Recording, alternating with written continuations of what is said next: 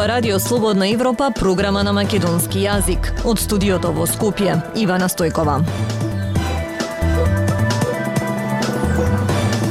Почитувани во оваа емисија, ке слушате. Отворена банкарска војна, перење пари преку фиктивни кредити. Маврово Ростуше и Центар Жупа избра градоначалник со помош на диаспората, избрани советници во Обштина Тетово, постизборна анализа. Украина ја менува стратегијата во војната против Русија. Независни вести и анализи за иднината на Македонија. На Радио Слободна Европа и слободнаевропа.мк. Речи се две децени и најмалку седум банки во земјава разработиле шема за фиктивно кредитирање на фирми со цел пирање пари. Ова е заклучокот што може да се изведе од денешното презентирање на извештајот од надворешната истрага за стечајот на Евростандард банка, финансиран од незиниот најголем акционер Трифун Костовски. Од Народна банка пак велат нерелевантни и неточни се тврдењата. Повеќе детали на оваа тема од прилогот на колешката Зорана Гаджовска-Спасовска. Речиси две децени, најмалку 7 банки во земјава разработиле шема за ефективно кредитирање на фирми со цел перење пари. Е заклучокот што може да се изведе од презентирањето на извештајот од надворешната истрага за стечајот на Евростандард банка, финансиран од незиниот најголем акционер Трифун Костовски. Евростандард банка во 2011 година станала дел од незаконската шема, како што тврди незиниот најголем акционер Костовски, без знаење на акционерите, а лидер на организираната шема според странските истражители и Костовски е комерцијална банка Аде Скопје. А како не сум знаел? Е, тука можете да ме судите. Апсолутно. Ама дека сум имал намера да вакво нешто биде, тоа не во сон. Моја лична грешка, често пати, јас повеќе верувам, меѓутоа научив едно во животот. Верувај, ама и проверувај. Јас овој вториот чин не го, не го практикував. Според Костовски, Евростандард е убиен и однесена во стечај со умисла, а нековата цел, како што веле тој им, никогаш не била измама. Тој за сумнителните кредити дознал во 2019 година и како што тврди, откако виделе дека се дел од шемата, по нивниот обид да се повлечат, стартувале проблемите. Тимот на странски истражители предводен од Драго Кос посочува дека во земјава функционира систем на незаконско банкарско финансирање на фирми по нивни избор што се меѓусебно поврзани и дека тој систем стартувал уште во 2004 година. Како се то радило?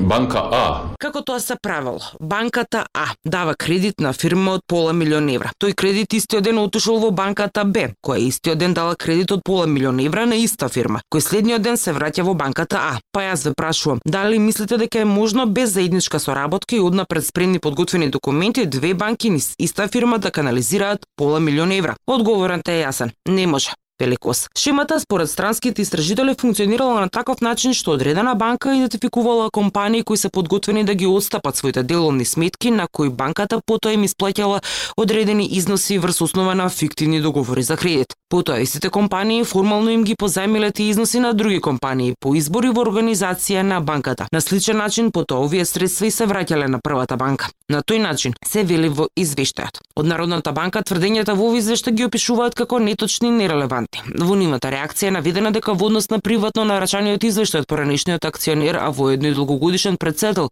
на надзорниот одбор на Евростандард банка, над која што поради несолвентност во август 2020 година беше отворена стечена постапка, изразуваат сериозна загриженост за леснотијата, како што велат со која од различни поединци се изнесуваат неточни информации поврзани со македонскиот банкарски систем. Ваквото неодговорно однесување потикнато од лични интереси и приватни побуди може да внесе немир и непотребно и неосновано да предизвика штета на финансиските институции во земјава, а со тоа и на економски загуби кај субјекти и граѓани. Истрагата за случајот со Евростандард банка беше отворена на 8 февруари 2021 година. Во соопштенијата на обвинителството за организиран криминал тогаш беше посочено дека четири лица се осомничени за перење пари и намерно предизвикување стечај на банката.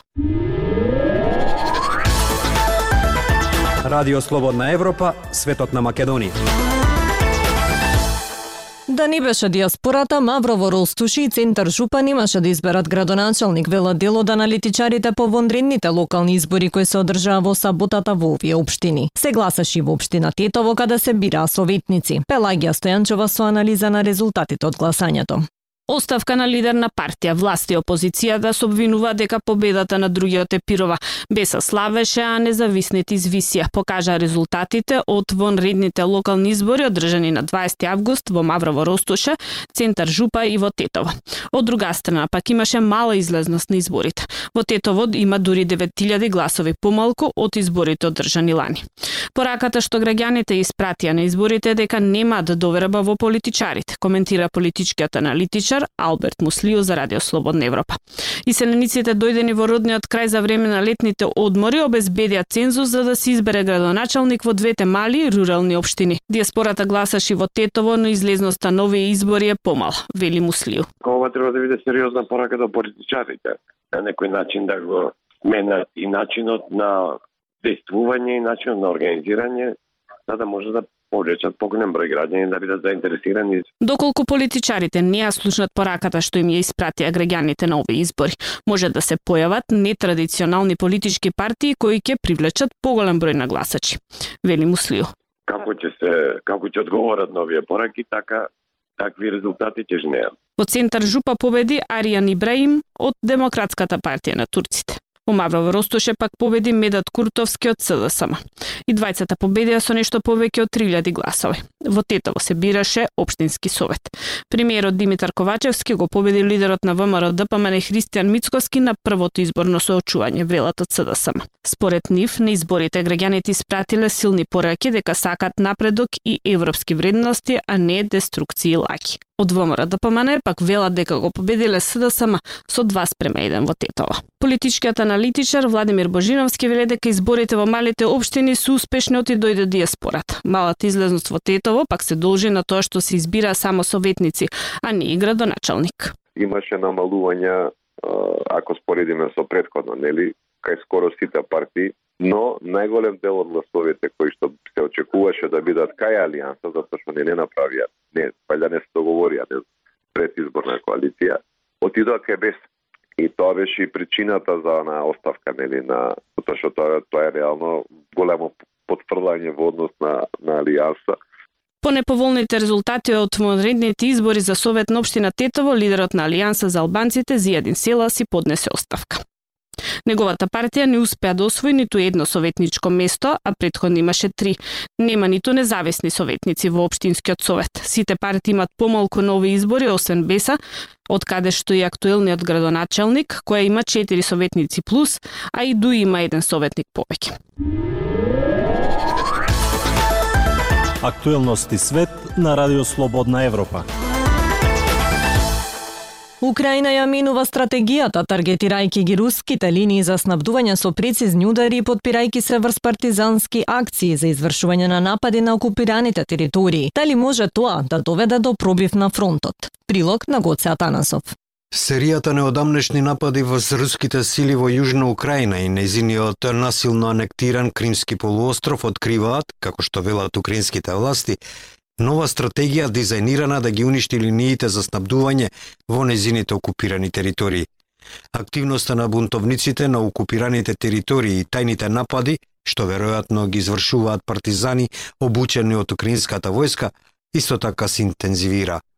Сепак до сега нема некое поголемо враќање на територии, при што украинските сили на фронтот на југ главно се заглавени во ровови и сочени со руски артилериски оган.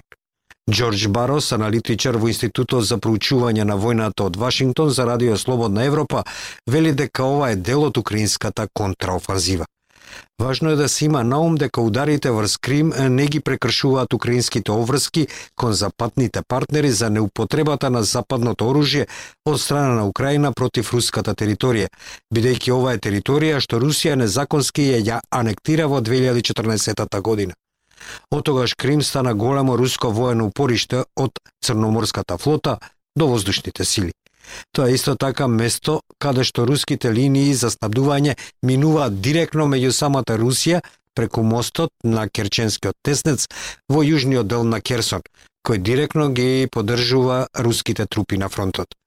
Украинците прават паметна работа со тоа што таргетираат стратешка инфраструктура што може да деградира способноста на Русија да може да придвижува тешка воена опрема, вели Барос.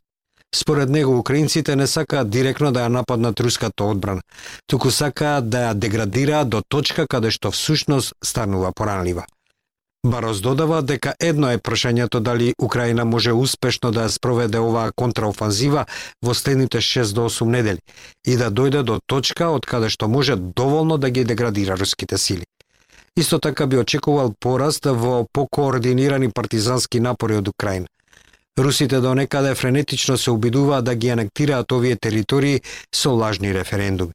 Луѓето треба да запромонат дека наведената цел на Кремљ е консистентна, да добија целосна политичка и територијална контрола над Украина. Иако може да слушнеме изјави од официјални лица дека тие се на вистина фокусирани само врз Донбас или на југот, се работи за цела Украина.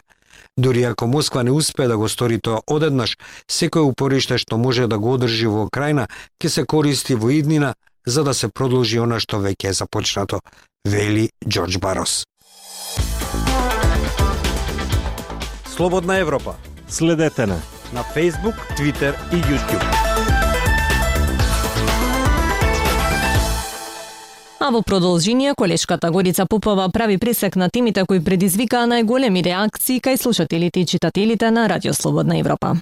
Случувањата во обвинителството и во финансиската полиција покажуваат дека има некој судир внатре во власта, вели универзитетскиот професор Гордан Калајджиев во неделното интервју на Радио Слободна Европа. Тој исто така смета дека сето тоа прилега како обвинителките да се жртва на некој тој е заинтересиран да не се истражуваат определени структури. Посетителите на нашата Facebook страница го коментираат професорот на различни начини. Маријан Чоангеловски, на пример, се согласува дека има судир во власта. СДСМ е уценувана тројно, не само од ДУИ алтернатива, туку и од албанското крило во власта. Зекириево притвор, а Арафат под истрага. Ставре Бојковиќ ги обвинува новинарите. Ние немаме истражувачко новинарство, туку се стават на страна на криминалот и навивачки кон политичките партии, а не кон вистината за сузбивање на криминалот. Во друг пост предлага конструктивен предлог и решение, формирање јавно обвинителство по примерот Советот на Косово од меѓународни јавни обвинители и комплетна реформа на судскиот систем. Реджеп Гаши забележува по директниот пренос на нашево радио на изјавата на суспендираната јавна обвинителка Вилма Рускоска. Десет микрофони од сериозни медиуми и ни еден сериозен новинар не ја прашува Вилма што е со 18 предмети од СЈО за кои се завршени истрагите